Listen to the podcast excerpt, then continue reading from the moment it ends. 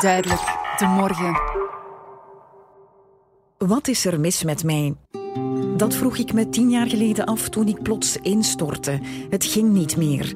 Ik was moe, ik was onzeker, ik had in niets nog zin en vooral, ik voelde me raar. Was het stress, een burn-out, een depressie of iets anders?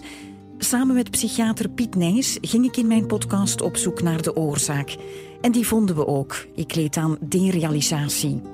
Nu zijn we tien jaar verder en het gaat wel, maar toch denk ik nog vaak dat er iets mis is met mij. Daar kan ik wel in komen, Maite. Ook al is er niets ernstig aan de hand, toch worden we vaak geconfronteerd met allerlei emoties en zorgen.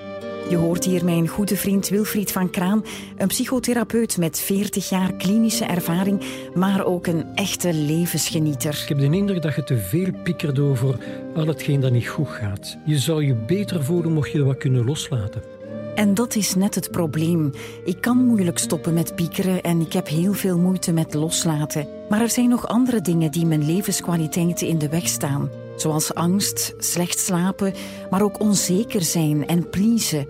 En dan denk ik, wat is er toch mis met mij? Want anderen lijken daar niet mee te worstelen. Maar is dat ook zo?